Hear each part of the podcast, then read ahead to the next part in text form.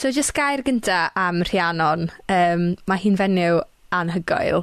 Um, os ydych chi ddim wedi clywed amdani o blaen, um, dylech chi wybod amdani, achos mae gweinidogaeth hi yn fyd-eang a mae di mynd mewn i'r sefyllfaoedd mwy ofnadwy ac erchill a jyst dod â gobaith Christ mewn i'r sefyllfaoedd yna.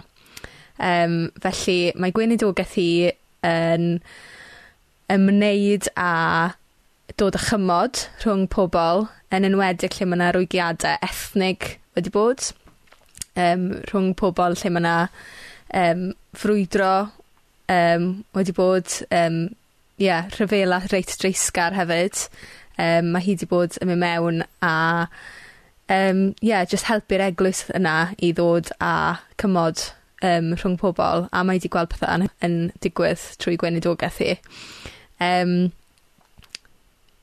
Fi'n gwybod mae hi'n byw... Lle mae'n byw nawr? Um, By Colwyn, dwi'n meddwl. By Colwyn, ie. Neu ddim yn bell o By Colwyn. Ie. Yeah. Neu Llandudno. Um, mae'n mae aelod mewn eglwys yn By Colwyn. Ie. Yeah. Yn Antioch. Ond mae wedi teithio gwmpas y byd. Fi'n credu mae'n fwy enwog am y gwaith mae wedi wneud y Rwanda.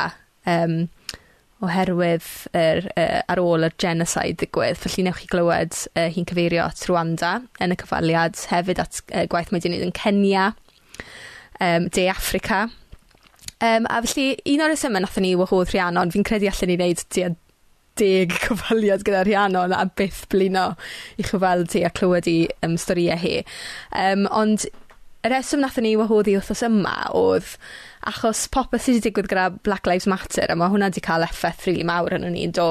Ni wedi bod yn trin y trafod y peth gyda ffrindiau dros yr wythnos diwetha Um, a ie yeah, just gweld bod hi yn rhywun sy gyda profiad really o ie, mynd mewn i sefyllfa le ma' 'na anghyfiawnder rhwng um, gwahanol um, pobl o gwahanol um, cenhedloedd neu um, hunaniaeth ethnic gwahanol Um, a jyst gweld os ni'n gallu dysgu rhywbeth o'i phrofiad hi um, 'dan o sut dylen ni fatha fel pobl gwyn aprowtsio'r sefyllfa yma rwan. Um, so ie yeah, mae, ma' hi'n rhedeg gweithdai um, gyda pobl um, sy'n helpu nhw i ddod i le o gymod a um, maddeiant. Felly mae'n mynd i sôn chydig am hynna a wedyn ma' 'na rai pethau mae hi'n gwneud fi'n meddwl gallu bod sy'n d- sy'n gwb- dda i ni wbod amdano beth bynnag ond um, falle ma' 'na rhai pethe sy'n defnyddiol wrth i ni ia, yeah, aprotsio'r sefyllfa yma i ni ynddo um, rwan o sylweddoli eto o'r newydd gymaint o anghyfiamder um, systemig sy'n yn erbyn pobl ddion a pobl o e-, ethnigrwydd gwahanol yn y gwlad ni. Um, so ie yeah, dyna'r cefndir Um, so fi'n gobeithio yn y cyfweliad fi ddim yn cymysgu gormod o issues really. ond yym ie lic- beth bydd yn gret yn ystod cyfweliad rhoi rhyw comments unrhyw beth sy'n taro chi unrhyw beth chi'n gweld yn ddiddorol, defnyddiol um, yeah, unrhyw ymateb really. sgwennwch yn y comments a newn ni trio cyfeirio at reina wedyn ar y diwedd Um, lle so ar ôl cyfweliad, dewn ni nôl a trafod chydig bach ar beth o'n ni wedi clywed. Um, so ie, yeah, dyna ni. O'n i, on i jyst yn meddwl, un o'r rhesymau da ni wedi gweld yr holl hanes gyda Black Lives Matter yn ddiddorol dros yr wythnosau diwetha ydy y sgwrs sydd wedi bod ynglyn â um, to, pa mor complicit oedd y Cymru yn dyfa yn, yng nghas waseth a stwff, ti'n gwybod. Um, a'r a'r paradox yma sydd gyda ni fel Cymru yn bod ni ar un llaw wedi cael drwg wedi wneud i ni, um, tybo, efo'r lladdwrdd ar yr iaith Gymraeg a, ac yn fwy diweddar pethau fel Tryweryn. Ond eto, i ryw raddau, um, oedden ni'n complicit yn yr ymerodraeth hefyd. A, a mae'r sgwrs yna wedi bod yn sgwrs eitha, eitha anodd, um, a mae'n lot o bol ar eiddio. So, fod fod gan um, Rhiannon lot i siarad um, y perspektif rhyngwladol, ia, ond, ond bod yn dod allan o'r mm. o perspektif hmm. Cymreig hefyd, ti'n gwybod. Ond hefyd, wrth gwrs, un o'r rhesymau da ni wedi cael Rhiannon fel gwestai oedd um, pen wythnos yma, oedd Rhiannon fod arwen um, gweithdi ar cymodi rhwng cenhedloedd yng Nghaer Salem, yr eglwys da ni'n aelodau ohoni, penwythos yma. Ond oherwydd um, y lockdown yn amlwg, di'r gweithdi yna ddim di gallu um, digwydd. So, o'n i'n eiddgar i dal wneud rhywbeth efo Rhiannon. Mm. So, yeah, just un shout-out i Hywel Edwards nath annog fi cysylltu dy Rhiannon, so diolch Hywel. Iawn, mae'n ma Mae'n eitha hir, yn dydy, So, byddwn ni ddim yn offended os byddwch chi'n methu aros i'r cyfle ei gyd. gyda chi wrando e- eto. Falle dylen ni ddweud, um, yng nghyd-destun Rhiannon Lloyd, dyw e ddim yn hir. Achos, er bod popeth mae Rhiannon yn dweud yn werthfawr iawn, mae hi'n eitha enwog am siarad yn hir. O, mae gymaint um, gyda'i dweud, oes. So, deugen munud yw'r yw cyfweliad. So, yn ôl safon y Rhiannon, mae hwnna'n reit gryno a byr, fi'n meddwl. Ac, um, Yn gallen ni wneud eu cyfaliad gyda'i, so... Uh, so, um, awn, so newn ni ddechrau chwarae'r cyfaliad nawr, a gadewch sylwadau wrth bod e'n mynd, a fyddwn ni nôl ar y diwedd am rhywbeth ymateb ar y diwedd. Felly, ie, yeah, un o'r ysymau da ni wedi gwahodd chi um, oedd yma yw achos beth sydd wedi digwydd yn America, marwolaeth George Floyd ag ati a mae jyst yn edrych fel tasg enfawr i drio mynd i'r afel ar issues ma o hilieth a um, anffafriaeth anghyfiawnder tuag at bobl um, ddion sydd yn yn cymdeithas ni. Um, felly gyda tasg o'n mlaen ni mor fawr, um, mae ydych chi brofiad o dod bod gilydd i gymodi ar grassroots. Um, pa mor obeithiol gallwn ni fod uh, am actually gweld gwahaniaeth go iawn yn digwydd? Wel, mae ffordd Dyw, mae ffordd Iesu o ddelio efo pethau'n wahanol iawn i ffordd y byd, yn dydy. Um, mae Iesu'n sôn am y cychwyn fel efo hedyn mwstard neu hefo byrym yn y toes a gweithio yn raddol uh, ddim newid pethau reit o'r top Ac wrth gwrs yna rheswm ddaru Judas i fradychu ond achos oedd oedd i siomi gymaint bod o ddim yn mynd i ddefnyddio trais a, a dod yn erbyn yr, yr rhifeiniad a, a newid bobeth o'r top i fyn i lawr. Ond um, mae, mae Iesu yn gweithio o'r gweilod i fyny, ynddo, A mae uh, uh, enw'n gweithio ni ydy um, iachau calonau traws newid cenhedloedd. A'r moto ydy trawsnewid cenhedloedd un galon ar y tro. Achos be dyn ni wedi weld, yn enwedig pan ni'n gweithio yn Ne Afrig, um, os nad di calonna yn newid, um, os am byd yn newid wir, yn Ne Afrig, a maen nhw wedi newid y strwythurau, wrth gwrs mae Mae apartheid yn hollol uh, yn erbyn yr, uh, yr ochr politicaidd ar hyn o bryd, ond mae gweld newid yn, y, yn, yng nghalonna bobl yn dal yn ymdrech fawr i ddeud y gwir. A, a fan ydy ni wedi bod, a, a pan nes i gychwyn gweithio yn Rwanda yn, yn union ar ôl yr hiladdiaeth, uh, deuddeg wythnos ar ôl i'r hil dod i ben, o'n i'n cychwyn gweithio yn Rwanda, sefyllfa erchill. A pan oedden ni'n trio gweithio hefo arweinyddion, hyd yn oed arweinyddion Cresnogol, oedd o'n anodd dros ben. A oedd, um, a oedden ni'n ffeindio na bobl, bobl gyffredin oedd ag awydd gweld newid ac oedd yn barod i weithio hefo pethau. A hefyd, pan ddari ni gael yn galw i fewn i Kenya ar ôl yr, um, y trais a'r lladd oedd yna ar, ar ôl election um, 2017-18, uh, 17, a um, trio galw uh, esgobion at ei gilydd. A oedden nhw'n deud, o, di hyn yn byd i wneud efo ni, di hyn yn byd i wneud efo'r eglwys a chi na, na rhan yr eglwys oedd paratoi bobl i fynd i'r nefoedd, ddim i ddelio efo pethau uh, a deiarol. A, a, da, a dyn daru ni yna hefyd gweithio o'r, um, or gweilod i fyny. A, a dwi'n meddwl falle, da ni wedi gweld newid um, yn enwedig yn yr, um, y Rift Valley yn, yn, yn Kenya. Achos dyna lle oedd yr y broblem fwyaf, dyna lle oedd, oedd yr, y yr mwyaf o lad i cymryd lle. lle. A ddaru ni hyfforddi tîma lleol yn, yn y Rift Valley fanna. A maen nhw, a nhw wedi gweithio, o, oh, yn, yn, yn, yn, wel, maen nhw wedi gweithio'n galed dros ben.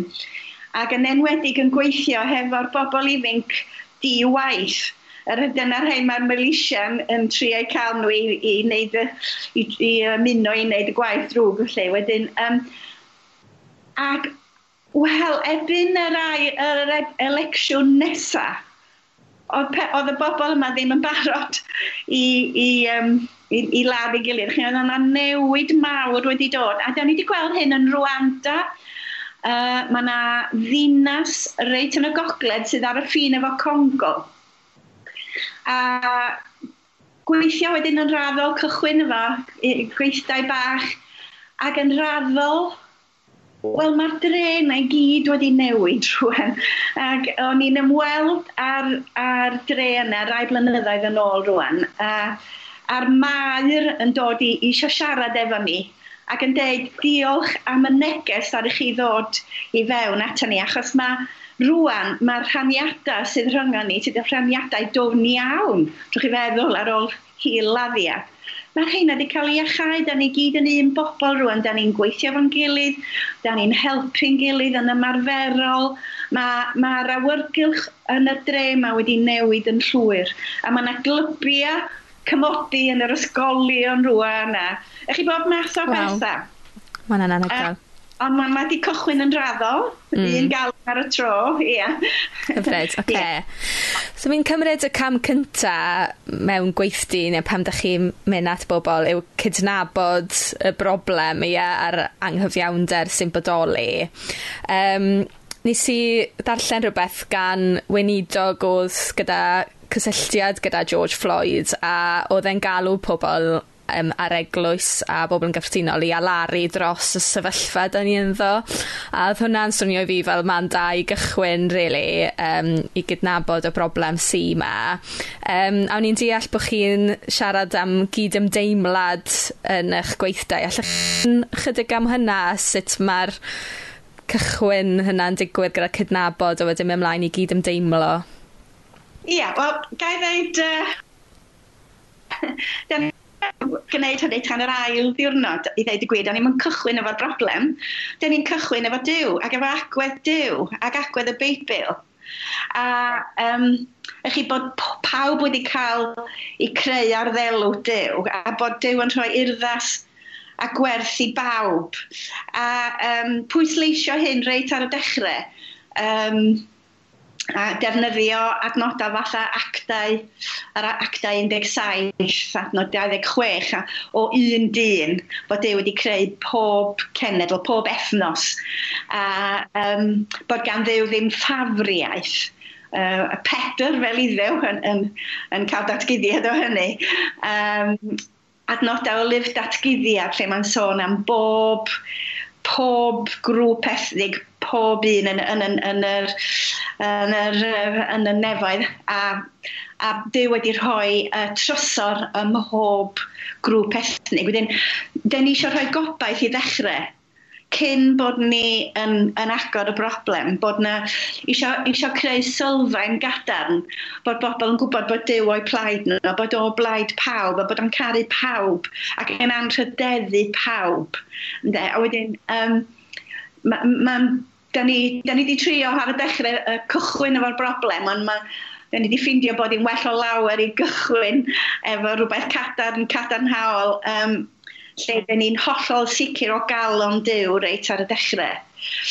A um, mae'n ma wir bod y Beibl ddim yn delio hefo hiliaeth yn uniongyrchol, ond oedd o ddim yn broblem iddyn nhw. Bobl frown yn y dwyrain canol oedd nhw yn sgwennu'r Beibl, ddim bobl wyn.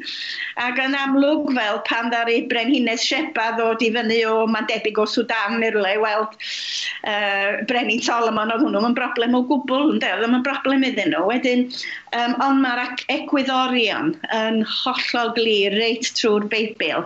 Of course, oedden nhw'n raddol yn, yn dod i ddeall hyn, ond um, mae'r egwyddorion yna reit o'r dechrau bod Dyw yn anrhydeddu ac yn caru pawb ac yn rhoi urddas gyfartal i bawb wedyn. Da ni'n cychwyn yn fanna. Ond wedyn, ydan, da ni'n, unwaith da ni'n sicr o galon cariadus Dyw tuag at bawb, um, a hefyd bod yw yn gallu prynu nôl holl drasiedi dynoliaeth. Mae hynny hefyd. Da ni just, mae'r diwrnod cyntaf i gyd eisiau rhoi gobaith i bobl. Wedyn yn yr ail diwrnod, yna pryd da ni'n yn edrych ar yr, ar yr briwiau, a'r colledion ofnadwy. Ac um, Um, Wel, pan o'n i yn enwedig, nes i ddysgu gymaint, nes i'n gweithio lot yn, yn Ne Africa uh, reit uh, pryd, ro'n i cychwyn yn 96, um, yn reit ia, amser reit agos ar ôl i'r apartheid ddod i ben. A uh, o'n i, yn gwybod, wan, sut dwi'n mynd i, sut dwi'n mynd i ddelio efo'r colledion yma, a, a medru gweld y briwiau beth a heb bod ni'n pwyntio bus a chondemnio a dieithrio un grŵp o bobl. Um, a ni'n teimlo oedd yr ysbryd lang wedi arwain i, i, i ni edrych ar yr adnod o Ioan 10, 10 sydd yn sôn am y, y lleidr sydd yn dod i ladd ac i ddwyn ac i ddinistrio. A wedyn, oedden ni'n trio pwyntio allan bod tu ôl i bob anghyfiawnder, i bob anghydfod, uh, bod yna leidr tu cefn i, i bob peth sydd eisiau um, ysbeilio dynoliaeth i gyd. A oedd hyn ddim i symud cyfrifoldeb o gwbl, achos da ni'n delio efo hynny nes ymlaen. Ond ar, ar y dechrau, oedden ni eisiau just gweld bod yna bictiwr mwy o lawer tu cefn i hyn.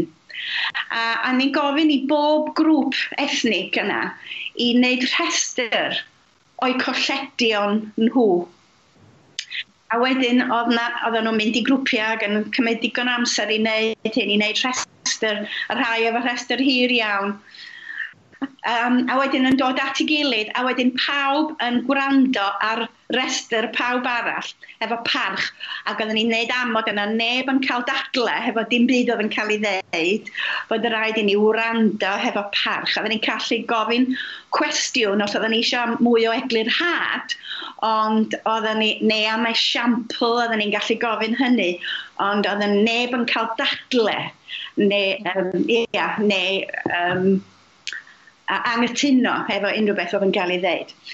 Ac wrth gwrs oedd y bobl ddi ddim yn disgwyl bod y bobl wyn wedi cael unrhyw golledion. Oedden nhw'n dweud, o, oh, nhw wedi ennill yr holl ffordd.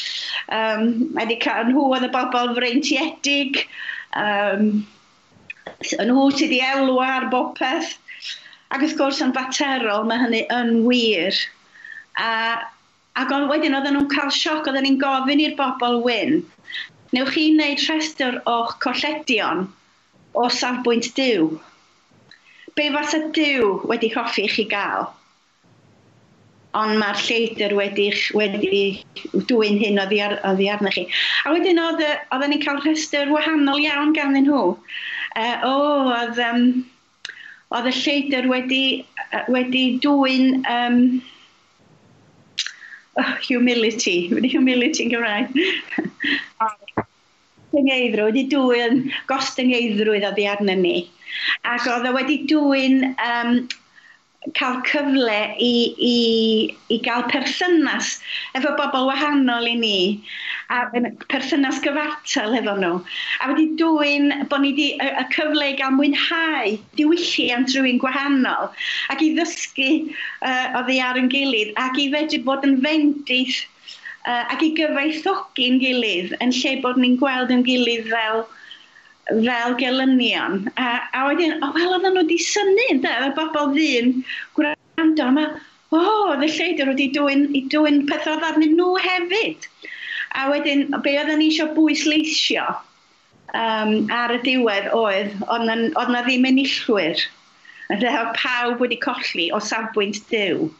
Pawb wedi colli. Wrth gwrs, oedd y cylledion uh, materol yn enfawr i'r bobl ddu, a'r enillion materol yn enfawr i'r bobl wyn. Ac ni'n, oedd hynny'n dod allan jyst wrth wrando ar hanesion bobl. Ac oedden ni'n rhoi cyfle i bobl i ddeud, os gynnwch chi stori bersonol sy'n sy'n um, dangos y, y pwnc yma'n gliriach ynddo.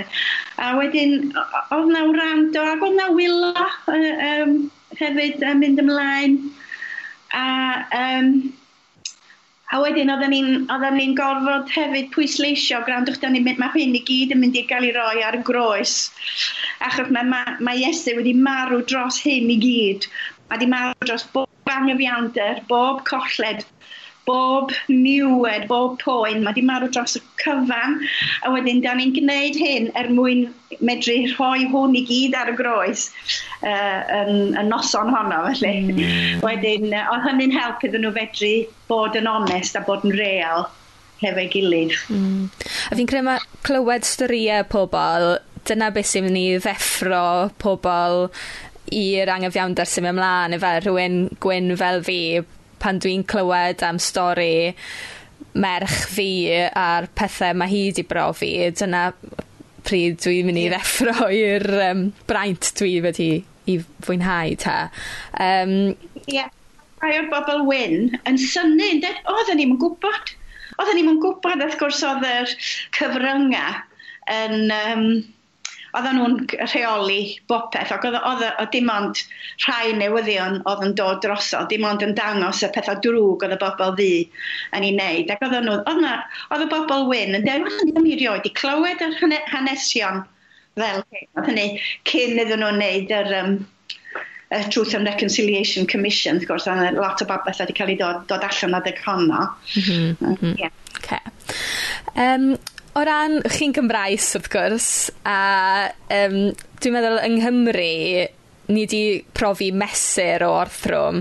Um, yn rhyfedd iawn, oeddech chi fod gyda ni'n Cynarfon pan wythnos yma, yn doeddech um, cynnal gweithdi er mwyn edrych ar y perthynas rhwng Cymru Cymraeg, Cymru Di Gymraeg a bobl o Loegr. Um, felly, ie, yeah, bydde hwnna wedi bod yn hynod uh, fendith siŵr. Um, Ond gan bod ni wedi profi mesur o orthrwm, ydy ni falle'n gallu bod yn barod o ran hiliaeth nawr, ydyn ni'n gallu bod yn rhy barod i feddwl bod yn profiad ni yr un peth y bobl ddi pa mewn gwirionedd mae pobl ddi wedi dioddau lot mwy. Wel, mae yna dueddiad yn ni gyd i deimlo na'n um, colledion ni di rhai mwyaf.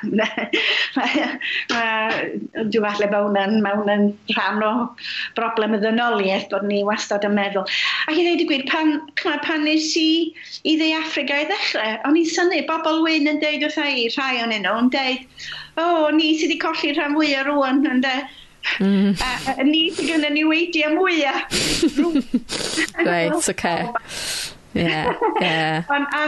Ia, ma, ia dwi'n meddwl fedrwn ni uh, gymharu, ond ma, uh, efo'r bobl ddi, ond mae rhaid mi ddweud, mae Dyw yn cymryd colledion pawb yn Sirius, felly mae o'n, di o ddim yn cymharu, Dyw ddim yn cymharu, a mae Dyw isio i bawb ddelio hefo'i colledion a'i briwiau nhw. Mm. Just o ran y gweithdi, o ran Cymru, uh, sut ymateb ydych chi wedi cael pam ydych chi wedi rhedeg y gweithdi na o blaen o ran cymodi rhwng Cymru Cymraeg, Cymru Di Gymraeg a bobl o Loegr? Cymysg, fos ni ddeud. da ni wedi cael rhai gweithdau bendigedig a da ni wedi cael rhai anodd iawn. Uh, Mae'n dibynnu lot ar be di agwedd calon y bobl sy'n dod. Um, os di bobl yn dod efo lot o chwerwder yn eu clonau, uh, ddim eisiau gollwng gafel yn hynny, mae'n gallu bod yn anodd. Neu lle, os di bobl yn dod, ddim eisiau gwrando ar safbwynt rhywun arall. Um, mae'n anodd. A hefyd, mae yna lot o anwybodaeth, dwi'n meddwl, yn does. A, ma, a weithiau, o'n i'n gweld y bobl oedd dydyd i fewn o'r tu allan yn gallu deud pethau oedd yn brifo'r Cymru Cymraeg yn fwy. um, achos just ddim yn deall wir, just ddim yn deall. Ac e, uh, ac yn gofyn cwestiynau fel um, am, am faint o amser sy'n rhaid i ni ddeud bod ddrwg yn ni, felly. Am bethau wedi digwydd estalwm a bobl a Cymru Cymraeg yn dweud, na, di o e ddim ystalwm yn dal i ddigwydd heddiw. A wedyn, um, oedd, ia, oedd, oedd, oedd pawb wedi, foswn i'n dweud, pawb wedi elwa mewn rhyw ffordd. Mewn rhai gweithdau, pobl wedi elwa llawer iawn. Um, Ia, mae ma rhaid mi gyfadde na gwneud y gweithio yng, yng Nghymru sydd fwyaf anodd i fi. Achos fedra i ddim bod yn hollol neutral. a dwi'n trio bod yn cymryd safbwynt neutral, ond mae'n anodd iawn i wneud hynny. Um, wedyn, um, dwi'n siŵr bod yna lot o waith i'w wneud yma wneud yma eto. Mae ma rhai bobl wedi bod yn gadarnhaol iawn ar ôl bod yn gweithio'n dweud, faswn ni'n di colli hwn y profiad yma am ddim byd. A uh, Cymru Cymraeg hyd yn oed yn dweud, a, a Saeson hefyd yn dweud hynny. De, a, a bobl um, y Cymru di Gymraeg. Ie, da ni wedi clywed tystiolaethau cadarnhaol iawn o'r dair carfan. Mm. Ond mae'n a lot o waith i wneud. Dio ddim yn hawdd. Dio ddim yn hawdd. Mm. Ond mae'n bwysig i Cymru, i Gymru yn ysbrydol bod y gwaith yna'n digwydd yn dydy, chymryd bod y meddeiant yna'n digwydd. Ydy, ydy. Mm -hmm. Ydy, ydy. A fi gwrs i meddeiant ddim yn cyfiawnhau dim byd. Mm -hmm. Mae'n bwysig o'n i'n deud hynny. A, um, a oedd yn bwysig iawn bod ni'n deud hynny yn Rwanda ar ôl yr hil laddiad. Chi dio, dydy madda i bechod ddim yn deud bod y, bech, y pechod yn oce. Okay. Um, ynde? A, a, a, a mae'n rhaid, wrth fadda, mae'n rhaid dal i siarad am yr angyfiawnder a dal i um, i godi llais dros bobl sydd heb lais. Mae'n ma, ma, bwysig bod ni'n dal i weithio dros gyfiawnder, ond bod ni'n yn medru gwneud hyn hefo, um, hefo ysbryd um, trigarog. Um, achos mae yna bechod yn bawb ohono ni, da ni gyd angen meddeiant diw. A da ni'n pwysleisio bod, uh, bod na ddim byd hawdd am faddau, bod, bod, bod, uh, bod maddau di peth uh, mwyaf anodd yn y bydysawd, a'r peth mwyaf costus yn y bydysawd, yn dweud bod o ddim yn beth hawdd, oedd o ddim yn beth hawdd i ddiw. Di o ddim yn beth hawdd i ni chwaith. Ond um, be dyn ni eisiau helpu bobl i weld ydy bod mae meddeiant yn gweithio o'n plaid ni ddim yn ynherbyn ni. Achos da ni'n cael yn caeth iwo y tu fewn os da ni ddim yn maddau. A pan mae Dyw yn gofyn i ni faddau, diolch yn bod yn, yn anheg ac, neu yn insensitif. Um, mae, on, mae o Dyw o'n plaid ni a mae eisiau ni fedru byw yn rhydd. Um, byw bywyd llawn. Na fedrwn ni ddim byw bywyd llawn os oes gennym ni anfaddeiant. A anfaddeiant sy'n gweithio yn yn herbyn ni, ddim, ddim maddau. Ce. Okay. Um, Be sy'n digwydd yn y gweithdai wedyn o ran y cymodi? Sut mae hynna'n edrych? Um, a falle allech chi rhannu bach o'ch profiadau o weld hynna'n digwydd? Wel, mae'r mae gweithio'n broses yn dweud. Ni'n trio mynd o gam i gam. A mae bob sesiwn yn trio paratoi cael o'n bobl i, i fedru copio hefo'r sesiwn nesaf, lle da ni'n brysio, a da ni'n sôn am faddau tan y diwrnod ola. Dwi'n um, nes bod pobl wedi delio efo'u poen, mynegu poen ei roi ar y groes, a rhoi'r cyfrifoldeb i Iesu uh, i ddelio hefo'r ang angyfiawnder ac i, i, i iachau yn calonau briwiedig ni, ynde? Wedyn, a dim ond ar ôl hynny, da ni'n dod i sôn am faddau, a, a wedyn, ydy feirwch hwnna, da, e, e, hefyd y diwrnod ola, da ni roi cyfle bod yr ysbryd glân di bod yn gweithio yng Nghelon y bobl. A, um, da ni'n cael amser o, o edu farhau, falle'n bersonol, neu falle fel grŵp i, i ofyn maddeiant fel grŵp. A yr un un grŵp sydd wedi gwneud y rhestr o be mae'r lleidr wedi ddwy'n o ddarna ni, mae'r un un grŵp rwan yn gwneud rhestr o be faswn ni'n gofyn, faswn ni'n hoffi gofyn maddeiant amdano fo be ydy, um, be ydy uh, gwendida a phechoda yn grŵp ni. A, a mae hwnna yn, bwy, yn bwysig iawn. A hefyd gofyn maddeuant dros bechoda yn cyndade. Uh, Dwi'n gwybod mae hyn yn bwnc llosg a mae yna lot o bobl yn gwrthwynebu hyn. Ond mae o yn, yn egwyddo'r feiblaidd. Chi mae yn, yn llyfr Leviticus, uh, penod 26 meddwl mae o'n deud, a mae, mae Dew yn deud, uh, os newch chi gyffesu eich pechodau chi a phechodau eich cyndadau. Um, a da ni'n gweld hyn yn digwydd yn bobl fatha Daniel a Nehemia ac Esra. Ac oedd o'n, egwyddor, oedd nhw'n ddeall yn, yn, yn glir iawn yn, yn, yn, yn eu diwylliant nhw. Ac yn y diwylliannau um, sydd ddim yn rhoi gorllewinol, fyddwn ni'n dweud, lle da ni mor be, anibynnol yma uh, yn, yn, yn, yn, yn, yn diwylliant ni. Da ni'n just yn meddwl fi, y fi a Dyw, a dyna'r unig beth dwi'n gyfadelio hefo. Ond um, i fi, mae hwn yn allwedd sydd yn... Um, sydd wedi agor calona caled. Chi, mae, a dwi wedi gorfod wneud hyn wow, canoedd o weithiau erbyn hyn. Um, pan nes i Rwanda y tro cyntaf, o'n i, oh, dwi'n yn siŵr, o'n i mond i bod yn ychydig ddyddiau e, ac oedd World Vision yn, ydi gofyn i'n elusen ni o gynnyn nhw rhywun mas yn dod i siarad am uh, y ffordd mae Iesu'n gallu iachau calonna sydd wedi cael ei brifo yn ofnadwy. A wedyn, wel, mi es i yn nerfus iawn i gychwyn ar hyn. A dyma rhyw ddynas yn neidio ar ei thraed, a'i gwyneb i'n llawn o gasineb ac yn dweud, pa hawl sydd gennych chi i ddod yma?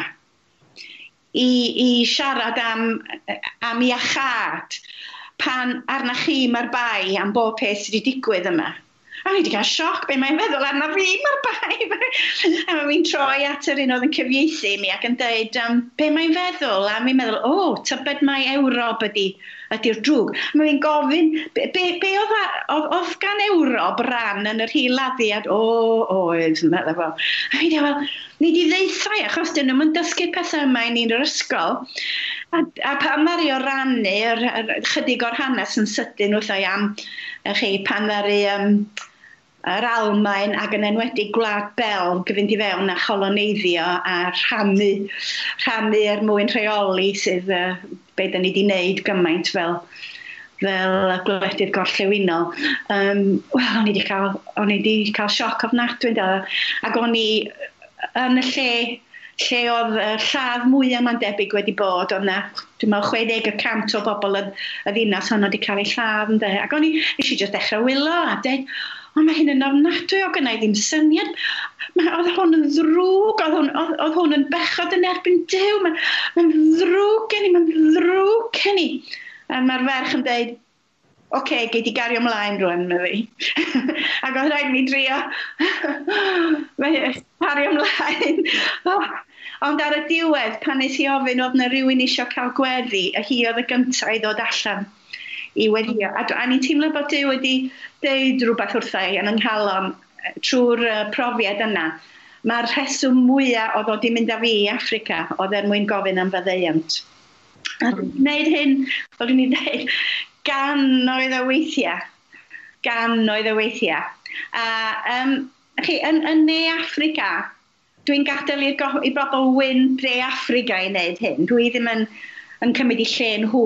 Ond, wrth chi, mae Mae Prydain wedi, wedi pechu yn erbyn De Africa yn rhyfel y, y, y, y, y Boer War, ac um, a hefyd oedd na uh, filwyr o Gymru wedi bod yn lladd Zulu ac ati chi wedyn, oedd, oedd na bethau penodol o'n i'n gallu gofyn am fyddeiant amdanyn nhw.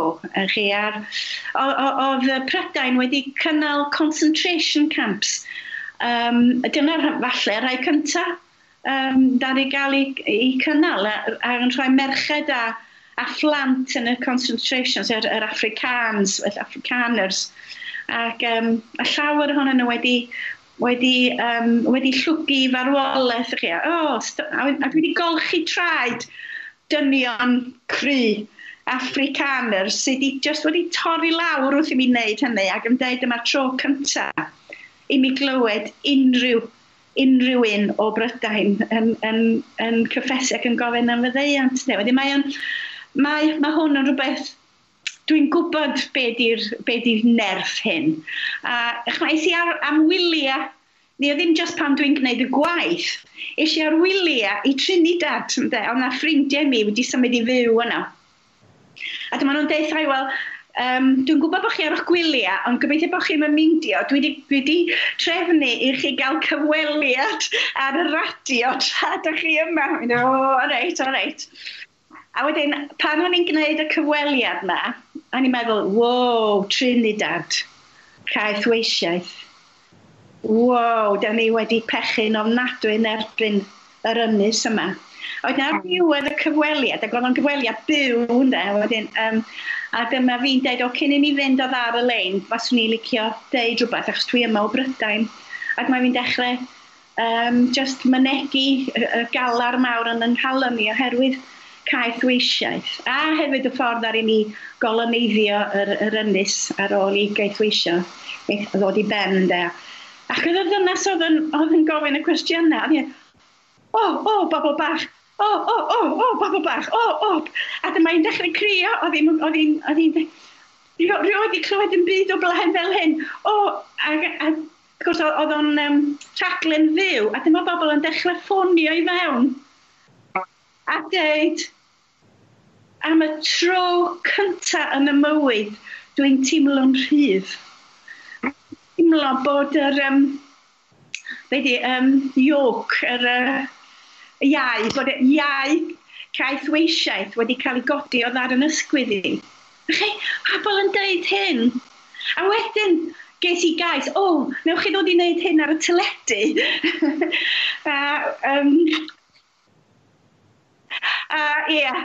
ond o'n i'n meddwl, wel, os dwi'n mynd i helpu bobl i gael ei chad, pa ffordd well i dreulio gwyliau, pa ffordd well i dreulio gwyliau. Wedyn, dwi'n dwi dwi, dwi gwbl um, argyhoeddiedig o'r, or profiad yma. Ac i ddeud y gwir, dyna ddar ein newid i. Achos o, oh, yn bell cyn i hyn digwydd, dwi'n cofio bod mewn cwarfod gweddi a uh, yn ne Cymru, a, a, un merched oedd o, ac oedden nhw wedi dweud bod nhw, a mae dyma nhw'n cyhoeddi, da ni'n mynd i weddio heddiw, oherwydd um, eilyn cenedlaetholdeb.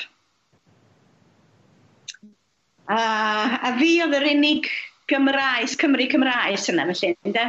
A mae fi'n meddwl, o, oh, dwi'n eisiau bod yma, dwi'n eisiau bod yma, dwi'n gwybod uh, cenedlaetholdeb Gymraeg Cymru fydden nhw eisiau gweddio yn erbyn, ddim cenedlaetholdeb Lloegr. A, um, a dyma fi'n, ia, ac o'n i'n meddwl, sut fe droi adael? Ac o'n i, o'n i mor flin yn ynghalon, o'n i'n deud, uh, chi ydy'r y, y cenedlaetholwyr, chi dyn nhw, chi sydd wedi, wedi uh, gwthio a, a gorfodi'ch diwylliant chi arna ni, a chi, chi di rhai efo'r broblem, ddim ni. Da ni mond yn gofyn am y, y fraint o gael, o, o, o gael bod. Dyna'r cwbl dyn ni'n gofyn am. Yn dweud beth o'r beth wrong efo hynny, ond oedd hyn i gyd yn yng ni. Ni'n mynd deud dim byd. Ac o'n i'n meddwl, sut fe droi adael cwarfod yna? Dwi'n eisiau bod yn rhan o hyn. Ac yma yna ferch yn, yn codi fyny, mae'n dweud, dwi'n byw yn, yn Mryste, a ni'n clywed bod chi'n um, yn cwarfod heddiw, a ddari yr ysbryd glan ddeithau a ddod yma, a dwi wedi dod yma yn bwrpasol i wneud un peth a dyma'n dod tuag ata i, dyma'n penlinio o mlaen ni, a dyma'n deud, I have come today to offer you the servant heart of an English handmaiden. Will you receive it? Wel, ni wedi cael sioc yn dda, ac hefyd yn meddwl, be ydych chi'n siarad amdano, felly be ydych chi'n, o'n i'n hollol methu dall be oedd hi'n trio wneud yn de, a dyma'n deud, dwi'n deall yn iawn, bod chi'n bo chi, uh, bo chi confused dwi'n dwi'n dwi deall yn iawn medde, achos dim dyna, di'n hanes ni nac em medde. Achos trwy'n hanes ni, y ni oedd y meistriaid, a chi oedd yr, y gweision. O, oh, ddari hwnna gyffwrdd rhywbeth yna i, a mae nes i just dechrau beichio crio, o'n i wilo, wilo. A dwi'n teimlo, ni'n just ddim ym mhoen i oedd hwnna, dwi'n meddwl, na poen yn cyndadau ni chi, poen yn cenedl ni oedd o. O'n i'n wylag, oedd hi'n deud, mae'n ddrwg gen i. O'n i'n gwybod, o'n i ddim yn gwybod, dwi just wedi bod yn ymchwilio hwn yn ddiweddar. A dwi wedi, dwi wedi darganfod bethau o'n i rioed yn wybod, da ni wedi cael yn dysgu pethau yma, ond oedd o'n wrong, a dyma'i dechrau enwi yr anghyfiawnderau yn yn herbyn ni, a oedd hynny gymaint o help. Um, o ddim yn deud, maddeuwch bod pe unrhyw beth da ni wedi wneud, achos di hynny yn golygu dim byd, wir. Ac pan oedd hi'n canolbwyntio hwn a hwn a hwn, ac o'n i'n meddwl, o, oh, mae hi'n deall, mae hi'n deall, mae hi'n deall. A, um, nes, a pan ddari hi stopio, nes i ddeud, wel, dwi'n gofod gofyd meddeiant hefyd, achos Da ni ddim yn ddifau, da ni ddech casau chi. Da ni'n eisiau chi ddod i fewn i'n gwlad ni. A nes i, um, chi, da ni'n ni, da ni gwenu, chi, falle gwenu, ond da ni'n siarad yn ddrwg tu ôl i'ch cefn chi. A, a, a ddar y ddwy yna ni, jyst cyfleithio a wylo efo'n gilydd.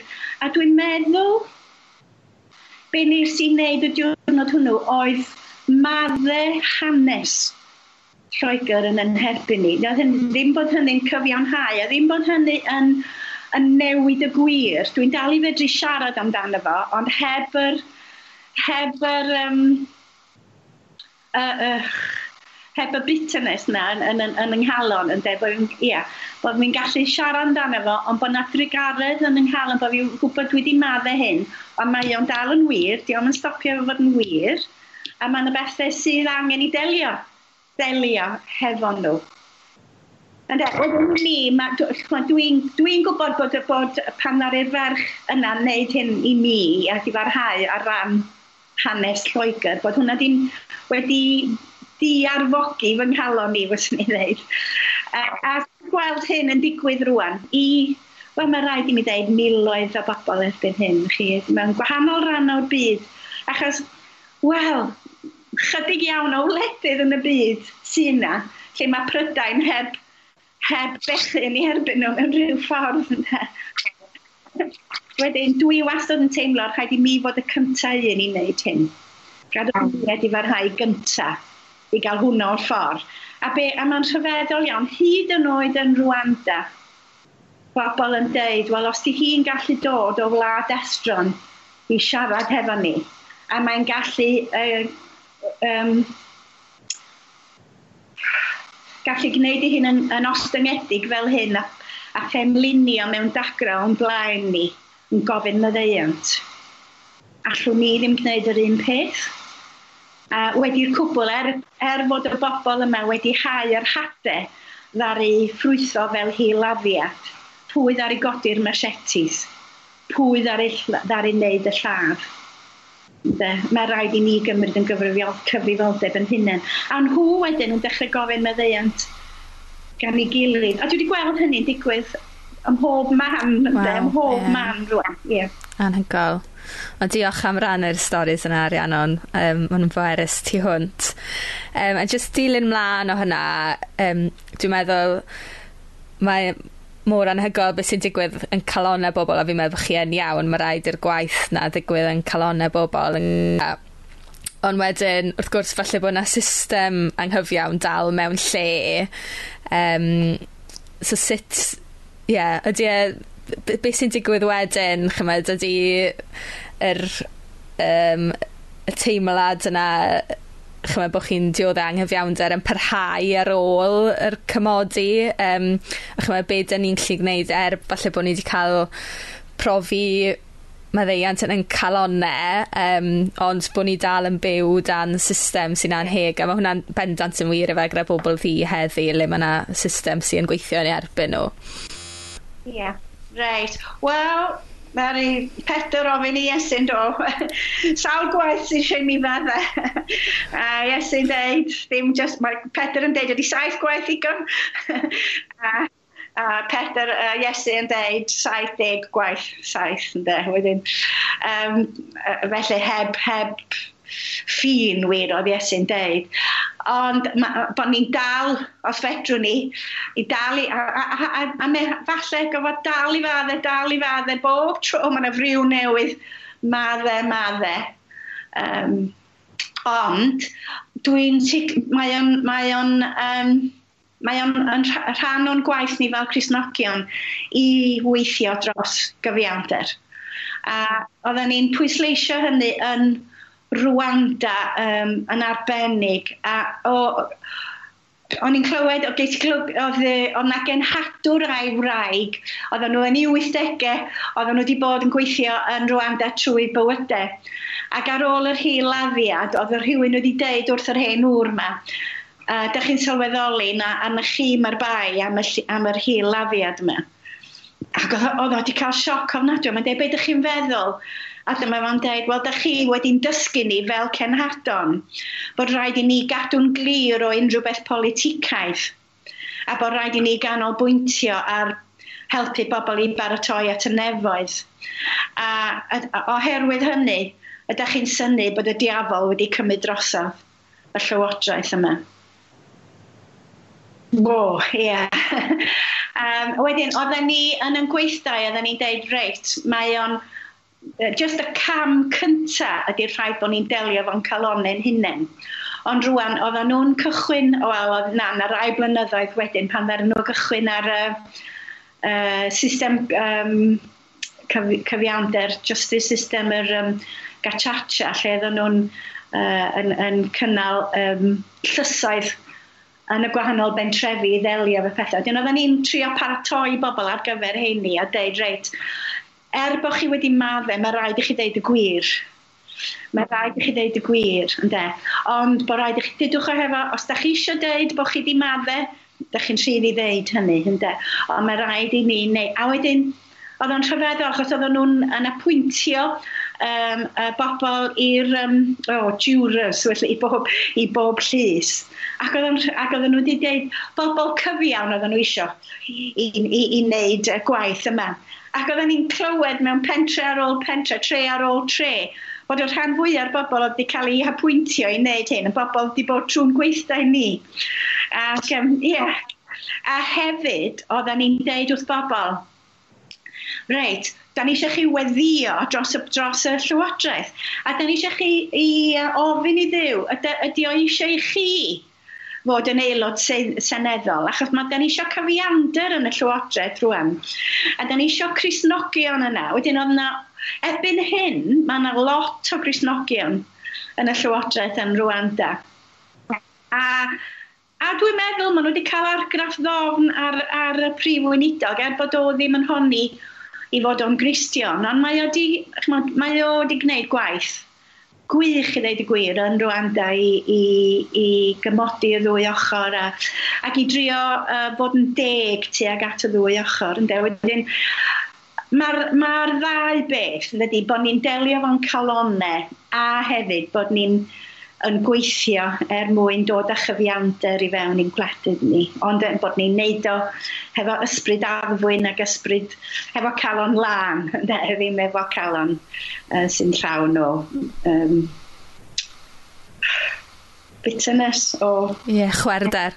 Yeah. Chwerder, o chwerwder. Yeah. Yeah. Diolch Rhianna. Wel, un cwestiwn ola, jyst i feddwl amdano ni fel unigolion nawr a yr eglwys, yn wedi gyda'r um, mater yma o yr angyfiawnder yn erbyn pobl fi, um, beth allwn ni wneud yn ymarferol i helpu'n gilydd fel unigolion a fel eglwysi yn eich barn chi? Wel, mae mae'r hariadau yma'n gallu bod ar bob lefel yn dydy, dychmyg, ond ddim just lliw yn croen, achos weithiau mae'n ma dibynnu ar yn cefndir um, sosialaidd ni'n dydy, hefyd, a mae'n ma, na, ma bob math o raniadau yn does yn gallu bod. A dwi'n meddwl bod yn mor bwysig bod ni yn modelu fel eglwysi, bod ni'n parchu pawb a bod, a bod ni'n caru'n gilydd. Caru'n cymydog pwy, pwy bynnag ydy'r cymydog. Um,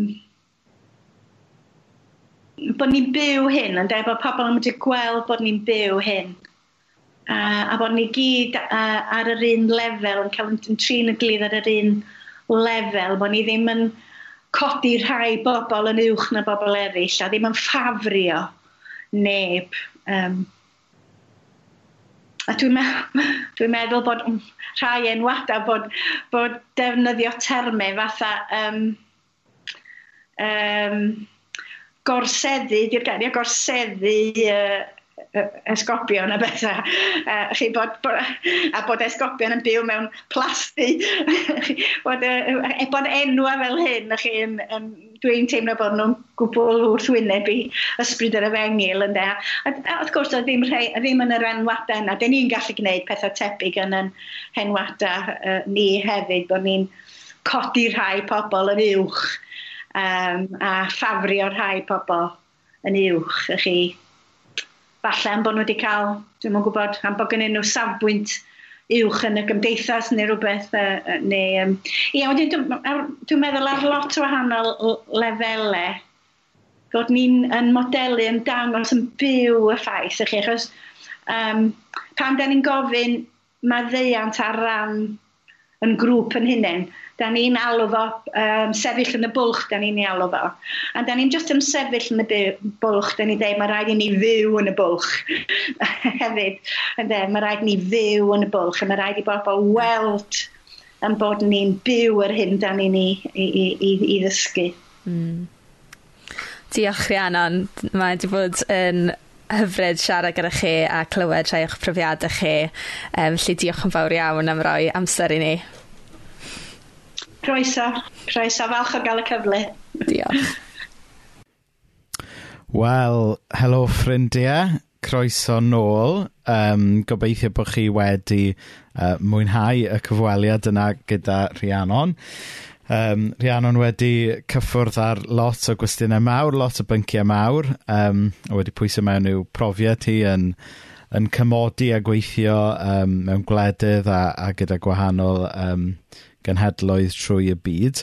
So, just am rhyw, um, rhyw 5 i 10 munud bach, da ni jyst mynd i um, ymateb i peth o'r hyn i ni wedi clywed, a nawn ni drio hefyd ymateb i rhai um, sylwadau sydd wedi dod mewn hefyd.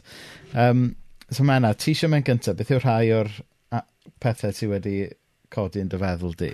O, oh, mae yna gymaint o bethau, um, yeah, gymaint o doethineb um, gan Rhiannon, fi'n teimlo. Um, Ie, codi lot o bethau, lot o gwestiynau hefyd. Um, fi'n credu taw peth dwetha nath i ddweud byw yn y bwlch. Fi'n credu hwnna yw moto newydd fi fi'n meddwl. Hynny yw bod rhaid ni fyw allan yr hyn um, ni'n credu a dangos i'r byd.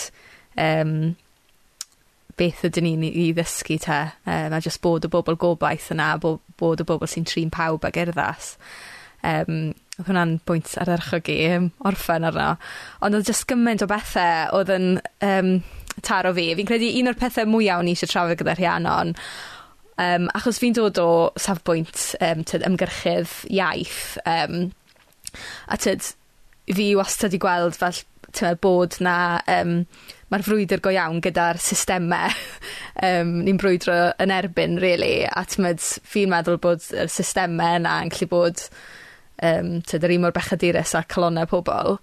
Um, so tyd, o'n i'n y diddordeb i gwybod amdan o'r ochr 'na oce, okay, falle bod yn colonnau ni'n gallu madde bod 'na tyd iachad yn gallu dod fel tyd ni'n gallu gwared o casineb a chwered er yn calonnau ni tuag at y pobl sy falle 'di uh, achosi gorthrwm ond os yw'r system ydy hwnna ddim yn cyfynhau, nag yw e t'mod os mae yna rhywbeth anghyfion yn cario mlaen i ddigwydd um, so sut mae cysoni'r ddau beth yna um, ond oedd Rhiannon yn glir iawn ar y pwynt yna hynny yw t'mod ti'n gallu ti'n gallu madde ti'n gallu cael gwared ar um, y chwerder, ond yw hwnna ddim yn gwneud yr anghyfiawnder yn iawn um, a oedd hi'n hollol glir ar y pwynt yna, a bod angen cario ymlaen i wneud yn siŵr bod 'na, tymed, bod systemau, bod pethau yn newid go iawn. Um, a tibod oedd hwnna'n bwynt hollol um, ganolog i fi. A fi'n meddwl actually, dyna beth yw profiad fi fel Christian, um, tymed, sy wedi, ie, sy timed, yn ymwybodol iawn o falle'r gorthrwm ar uh, y Cymru, a'r iaith Gymraeg um, ond bo' fynyddo'dd wedi t'mod profi cymod yn ynghalon, ond dyw hwnna ddim yn golygu bod fi'n stopio ymgyrchu am y newid sydd angen er mwyn cael tegwch er mwyn cael urddas i'r i i Cymru fel cenedl ac yr iaith. Um, so ie yeah, so o'n i'n ddiolchgar iawn iddi am tyd, bod yn glir y pwynt yna a atgoffa fi o o profiad 'yn hynna'n rili a bod hwnna'n hwnna wir i fi. Um, mae yeah. syl- ma' sylw wedi dod mewn gan Siôn Maredydd fan hyn Um, mae cyfle i ni roi rhai o'r pethau hyn ar waith yn ein cymunedau yng Nghymru trwy gefnogi ffoaduriaid. Um, a dwi'n dwi meddwl bod fi'n iawn i ddweud bod Siôn yn rhan o griw yn Aberystwyth sydd yn sydd yn rhan o waith felly. Mm. Yym A dwi'n gwybod mae yna eglwys yng Nghaerfyrddin hefyd oes wedi rhoi i ti capel i ffoaduriaid. Um, mm, mae yna lot o eglwysu yng Nghaerdydd hefyd yn ei gwaith gwych gyda ceiswyr lloches ac ati. Um, a tyfa, mae mor bwysig bod yr eglwys yn cael ei gweld yn wel, tymod, yn byw beth o'n i fod i wneud, sef croesawu pobl, sef trin pawb gyda'r urddas, falle, sydd ddim yn cael ei rhoi iddyn nhw gan y wladwriaeth. Mm -hmm. Um, so ie, yeah, mae hwnna'n hwnna, weinidogaeth um, hynod, hynod o bwysig. So, nesa, lycan ni ymateb sydd ni rhai o'r cwestiynau sylwadau sydd wedi dod mewn uh, gan Arwel a Lowry Jones. Um, so, na, na i gael ar y sgrin. So, oedd, oedd um, Rhiannon y Cyweliad yn sôn ynglyn sort of dweud sori a mynd gam ymhellach na jyst dweud sori, edifarhau dros gamwedd neu pechod eich cyndeidiau. A mewn lot o ddiwylliannau a traddodiadau chrysnogol yn y gorllewin, yn yr oesydd ohoni, mae hwnna'n syniad eitha fatha out there, tybod? Sut allwch chi... Um, tybod, hynny mae'r syniad o just ymddehiro ynglyn â uh, pechodau camweddau'r genhedlaeth gynt yn anodd, heb sôn am y concept chrysnogol o edifarhau. Um, a wedyn, oedd sylw tebyg arall gan arwel nes ymlaen wedyn. Um, Ie, yeah, deall y syniad o'n ddeheiro, ond ddim yn deall edifarhau sydd i mi ychydig yn wahanol neu a. Um, fi'n meddwl am... Fi'n... Ta, mateb cyntaf fi yn sicr... Um, ti'n gwybod o ran y ddysgeidiaeth ynglyn â... a'r ddealltwriaeth ynglyn â pechod ges i'n fagu ynddo fe, mae rhywbeth, dim ond rhywbeth, um, oedd pechod yn rhywbeth personol iawn. Felly oedd y syniad o edfarhau dros bechodau rhywun arall yn syniad, ie, yeah, tybod, way out a hyd yn oed uh, herasiaidd i fi.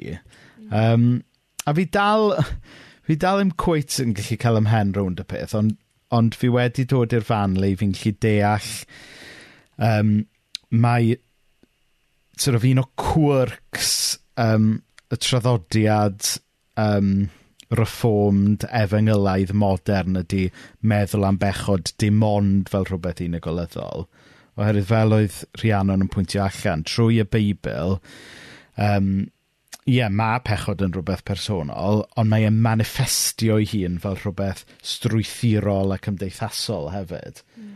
Um, felly, er bod, um, er bod pechod yn rhywbeth personol, mae ma yna wedd cymdeithasegol iddo fe hefyd. Ac, a tybo, ni'n wrth bod ni'n wrth bod uh, cyfweliad Rhiannon yn chwarae, nes, nes i edrych lan tybo cwpl o lefydd o'n e-mail falle oedd yn berthnasol a um, o ran yr elfen corporate eto o bechod, tyfo, un lle um, mae'r weddi ar dechrau Nehemia, mae Nehemia'n sôn am um, to cyffesu um, am bechodau i gyndeidiau a bod y genedl, am bod yn cyffesu bod y genedl gyfan wedi pechu, ti'n gwybod?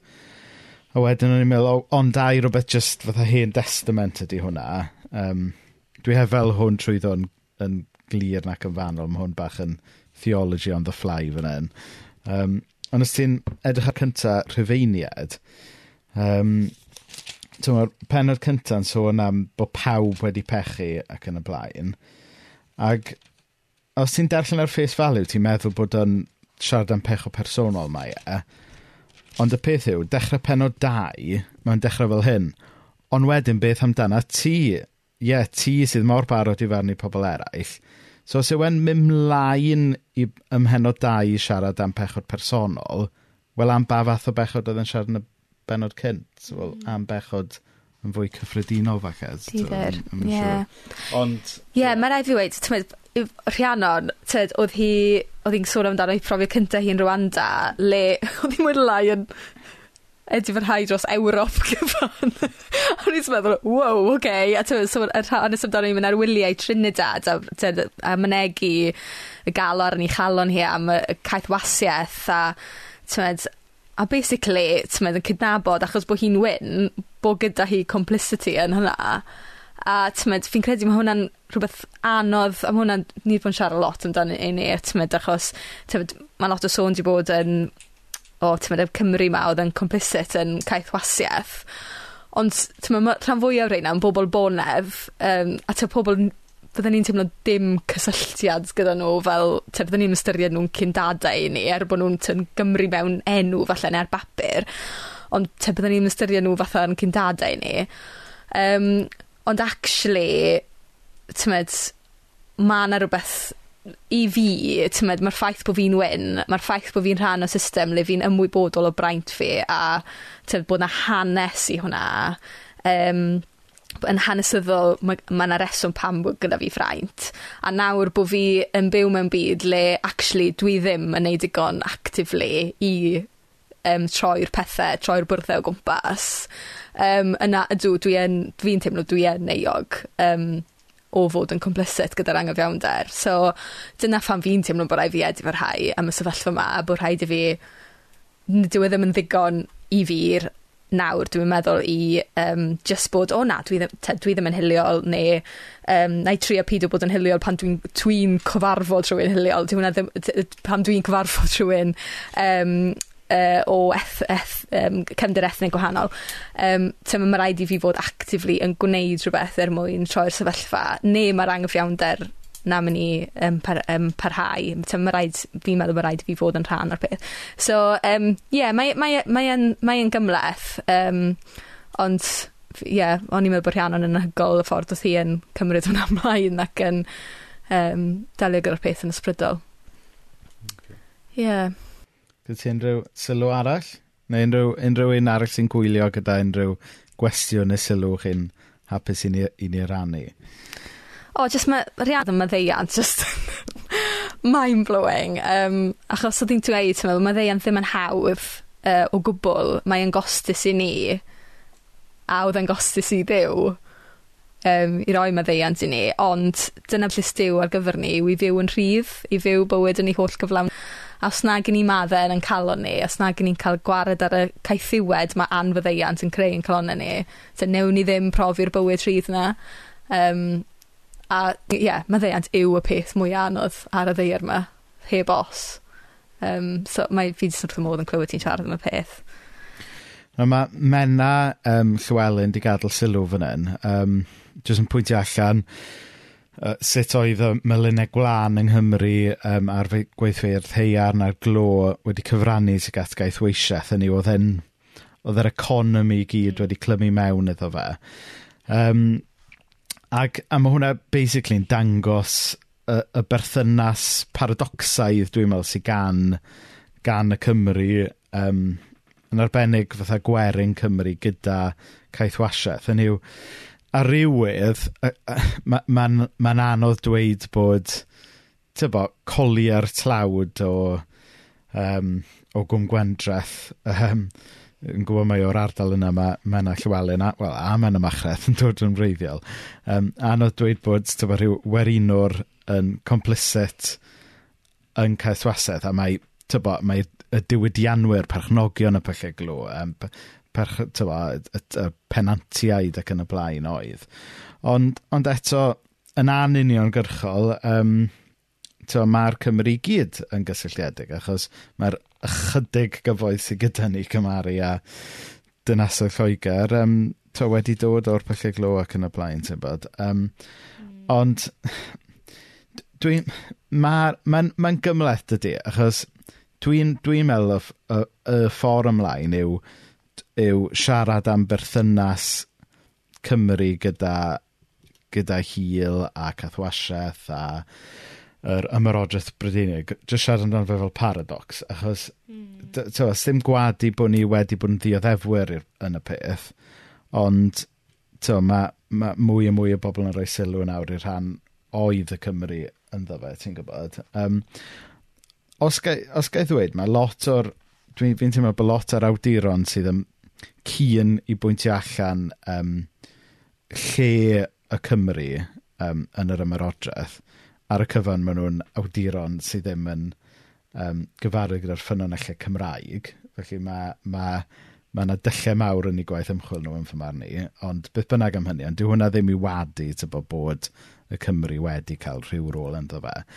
A A mae cydnabod y paradox yna, um, o safbwynt ysbrydol, safbwynt chrysnogol, um, i ni'n gallu gwneud synwyr ohono fe. Achos os ti'n meddwl am y peth, ti'n gwybod, da ni wedi cael yn creu ar lun a delw dew, felly mae yna 'na ran ohono ni yn dda, Um, ond equally, um, mae'r ma ma'r yn sôn am bechod, sef y y rhan yma ohono ni sydd yn yn screwed up a sy â rhyw pers- propensity i wneud smonach o bethau. So, so da ni fel unigolion yn, yn gymysg, ac felly dyw e ddim yn syndod fod y cenhedloedd da ni wedyn yn ei greu yn, yn gymysg o drwg ar da hefyd, ti'n gwybod? Mae yna um, sylw anhygoel di dod mewn gan Ruth Myfanwy. Um, so mae Ruth, mae'n ymddangos o'r sylw wedi bod un o weithdau um, Rhiannon. Um, yn y gweithdi gwych es i iddo gan Rhiannon, mi oedd dyn yno ac fe gyfaddefodd mae ei dad oedd tu ôl i'r ymgyrch Na dros Senedd i Gymru yn un naw saith naw mi oedd yn edifyrhau dros be wnaeth ei dad a'r boi na achosodd hyn i Gymru am flynyddoedd i ddilyn. Hmm. Mi oedd mor bwerus. Dwi'n meddwl os na allan cyndeidiau i fynegu edifarhad, mae clywed e gen gen i ni, y disgynyddion, yn neud y gymaint haws i'r rhai sydd wedi cael anghyfiawnder i allu maddau a delio efo fe. Hmm. Waw, anhygoel. Mae rhaid bod hwnna wedi bod yn dipyn o brofiad rwth. Um, yeah, dwi yn, dwi yn cytuno.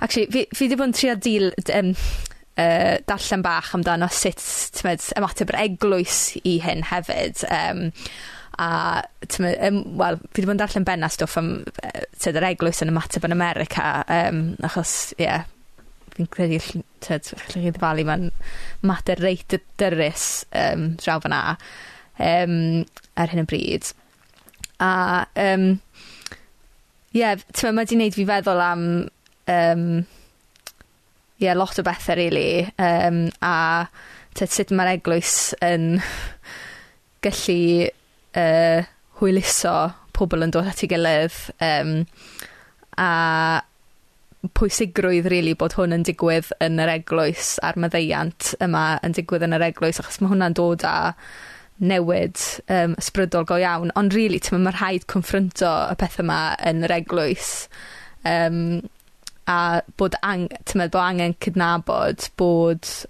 ie maddeuant edifarhau am y gorffennol yn, fel mae Ruth yn gweud, yn neud yn haws i, i bobl faddau a cael gwared ar y casineb a chwerwder yna er mwyn gallu adeiladu cyfiawnder go iawn yn y presennol.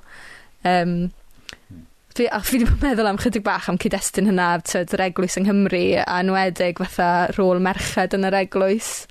A tyd, bydde fe'n... Ie, yeah, bydde fe'n dda, fi'n meddwl, gweld mwy o edifarhau amdano sut mae merched 'di cael ei trin yn yr eglwys yng Nghymru achos fi'n meddwl ie yeah, mae ma' ma' 'na yn dal i bod a mae angen fatha mynd i'r afel yna fe. Okay. A ma' hwnna'n gyd-destun anol eto wrth gwrs. Pwnc ar gyfer noson arall. So mae un, un sylw arall a, um, wedi dod mewn gan Sean. Um, a dyn ni'n mynd i um, orffen mewn chydig funudau nawr, so os gynnwch chi rhywbeth i ddweud nawr yw'r amser. Um, da fod Adam Price wedi ymddehiro am ei sylwadau am rep... rep sut ti'n dweud hwnna? Gair na? Gair mawr Saesneg. Ra reparation. Ond dwi dal ddim yn siŵr aeth yn ddigon pell.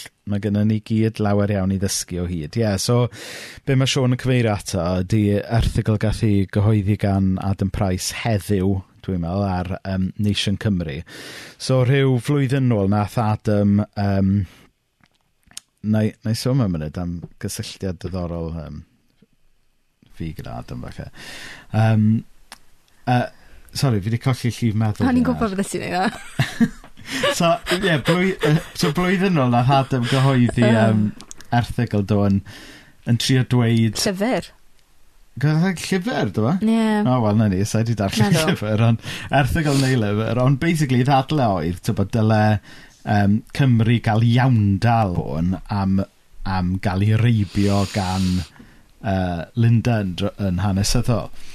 Ond ath e mewn i ddyfroedd dyfnion oherwydd oedd, oedd yr oedd yr iaith oedd yn defnyddio, yr ieithoedd oedd yn defnyddio, oedd yr un ieithwedd um, a sy'n cael ei ddefnyddio um, mewn cyd-destun um, gwledydd a canhedloedd na thioddau e dan gath wasiaeth. Mm. Um, nawr, um, Ie, so mae yna, ma yna drafodaeth eitha byw a, a weithiau tanllyd wedi bod, a mae'r blaid lafur wedi defnyddio fe i ladd ar Adam Price. Um, ac, ac, a mae wedi cymryd amser i Adam gymryd i eiriau yn ôl. Um, ac ac um, A fi'n meddwl, tibod, yn wreiddiol, os dwi'n hollol onest, dwi wedi dysgu lot yn y misoedd diwetha, yn yn wreiddiol, o'n i ddim yn gweld problem efo beth oedd Adam wedi dweud, achos mae'r um, tibod, ma'r cysyniad o iawndal, o dalu iawn, um, i ni fel Cresnogion, mae'n rhan o'n traddodiad ni'n dydy, ti'n gwybod? Dyw e ddim yn rhywbeth sy'n berthyn i'r oes modern i ni. Mae'r holl concept o dalu iawn i ni yn dod allan o'r Beibl. So, yn yn traddodiad Cymraeg, Cymreig ni. Mae'n cysyniad to, beiblaidd. Dwi e ddim yn gysyniad sy'n sy perthyn i... Um, tybod, um, i, tywa, i ysgol heictod post-colonial, mae'r ma syniad o iawn dal gyda ni am, am lot cyn hynny. Ond, dwi'n derbyn erbyn hyn, ti'n gwybod, mae'n cyd-destun modern, um, bod e yn ieithwedd, tybod, mae'r... Um, mae traddodiadau eraill wedi perchnogi, felly ie, mi oedd Adam yn anghywir, felly gyf, gyffelybu y profiad Cymreig um, gyda hynna. Um, Mae'r un beth yn digwydd gyda geiriau fel apartheid a stwff, achos pan ni'n siarad am fatha hanes Cynarfon, mae lot o bobl yn gweud, o, tyma, pam nath y Normaniad sefydlu'r castell, oedd na drefn fel apartheid yma, achos oedden nhw'n gwahaniaethu ar sail hil pwy oedd yn cael gwerthu, um, pwy oedd yn cael masnachu yn y castell ag ati, ond T'mod mae e'n hollol inappropriate bod ni yn defnyddio iaith fel mae'n rhaid ni ffindio iaith gwahanol i ddisgrifio beth yn digwydd. Mm. Um, yeah. Mm. Um, Ti eisiau dweud y stori am Adam Price? Anecdote fi am Adam Price, ie. Yeah. Wel, so, oedd yna gyfnod... Um, Dwi'n meddwl bod fi'n iawn i ddweud, oedd yna gyfnod le oedd yn mynd um, i ysgol Sil yn Bethany, le oedd tad ci yn weinidog yn Rhydaman. Um, A, ac yn y cyfnod yna, um, tybo, oedd e'n dambaid i grisnogaeth ac yn, ac yn, yn manic streacher ac yn pregethu ar y stryd a, a stwff.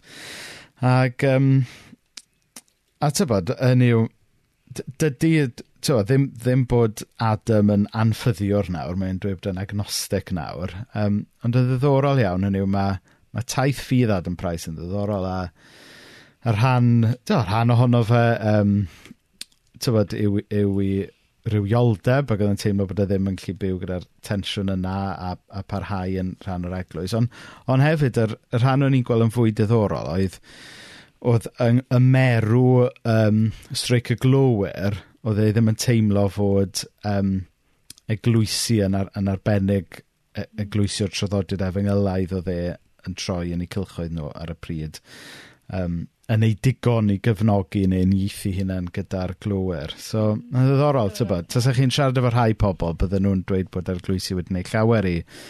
Falle ddim i ty gyfnogi streic y glwyr yn boleticaidd yn sicr wedi wneud tipyn i gyfnogi cymunedau a teuluoedd tybod, yn dioddau drwy'r cyfnod yna. Ond, ond mae'r ma rhan yna o um, daith um, ger, to, daith bywyd Adam Price yn diddori fi yn fawr yn naturiol. A, a ti'n bod, bydde ffen, ie, yeah, mewn cyfweliad dwi'n meddwl, llynedd na, oedd e dal yn rhannu ynglyn â sut oedd yr holl gysyniadau beiblaidd ynglyn â Dyw yn ta, wrthi'n tynnu teirnas newydd at ei gilydd bod hwnna dal yn ysbrydol. iddo e. So bydde'n diddorol, hei, ti'n meddwl allan ni gael Adam yn westau? Iawn ond fi rili eisiau cael polisi o dim ond cael merched bod yn onest Wel oce wel ar ôl cael mwy o wragedd allwn ni gael Adam. Ie. Er, ysgwrs, mae fy'n hi iawn bod fi'n asumio bydde byddwn ni'n gallu cael arweinydd prif blaid wleidyddol yn westau ar yn podlediad ni sydd yeah. hanner dwsyn yn gwrando ond be bynnag um, so dwi'n meddwl na ni adlef yna mm. am heno Um, diolch i bawb sydd wedi gwrando a gwylio. Dyn ni wedi mynd ymlaen yn lot erach na'r arfer heno, ond in defence, yn gwestiwn ni oedd Rhiannon Lloyd, sydd yn llawn doeth hineb, ond hefyd um, ddim yn enwog am fod yn gryno, um, achos mae di arfer um, siarad mewn eglwysi yn Africa, a, a, a chybod, mae glwysi yn Africa, to, mae oedfan mynd mlaen am byd yr awr a mae pobl yn mwynhau hunain. So, um, so, so dyna un blas mae rhian yn dod i'r byd, uh, byd Cymraeg. Um, Gwych. So, so, croeso i chi wrando nôl ar hwn fel pod, podlediad audio fydd ar Apple Podcasts a Spotify erbyn y bore. Neu um, dwedwch wrth pobl i wrando ie, yeah, dwedwch wrth bobl i wrando. Um, diolch i bawb sydd wedi sticio efo ni trwy'r nos. Um, os byw ac iach, fyddwn ni nôl gyda chi um, no seal nesa. So, Dyn ni, di di trefnu gwestai eto gwrdd nos yna ta? Na, no, ddim eto. So, falle bydd gwestai gyda ni, falle ddim, gawn ni weld. Ond, Ys gyda ti rhywbeth i i ddweud, Cyn Cloi? Na, diolch am, am ymuno. Nos da. Nos da.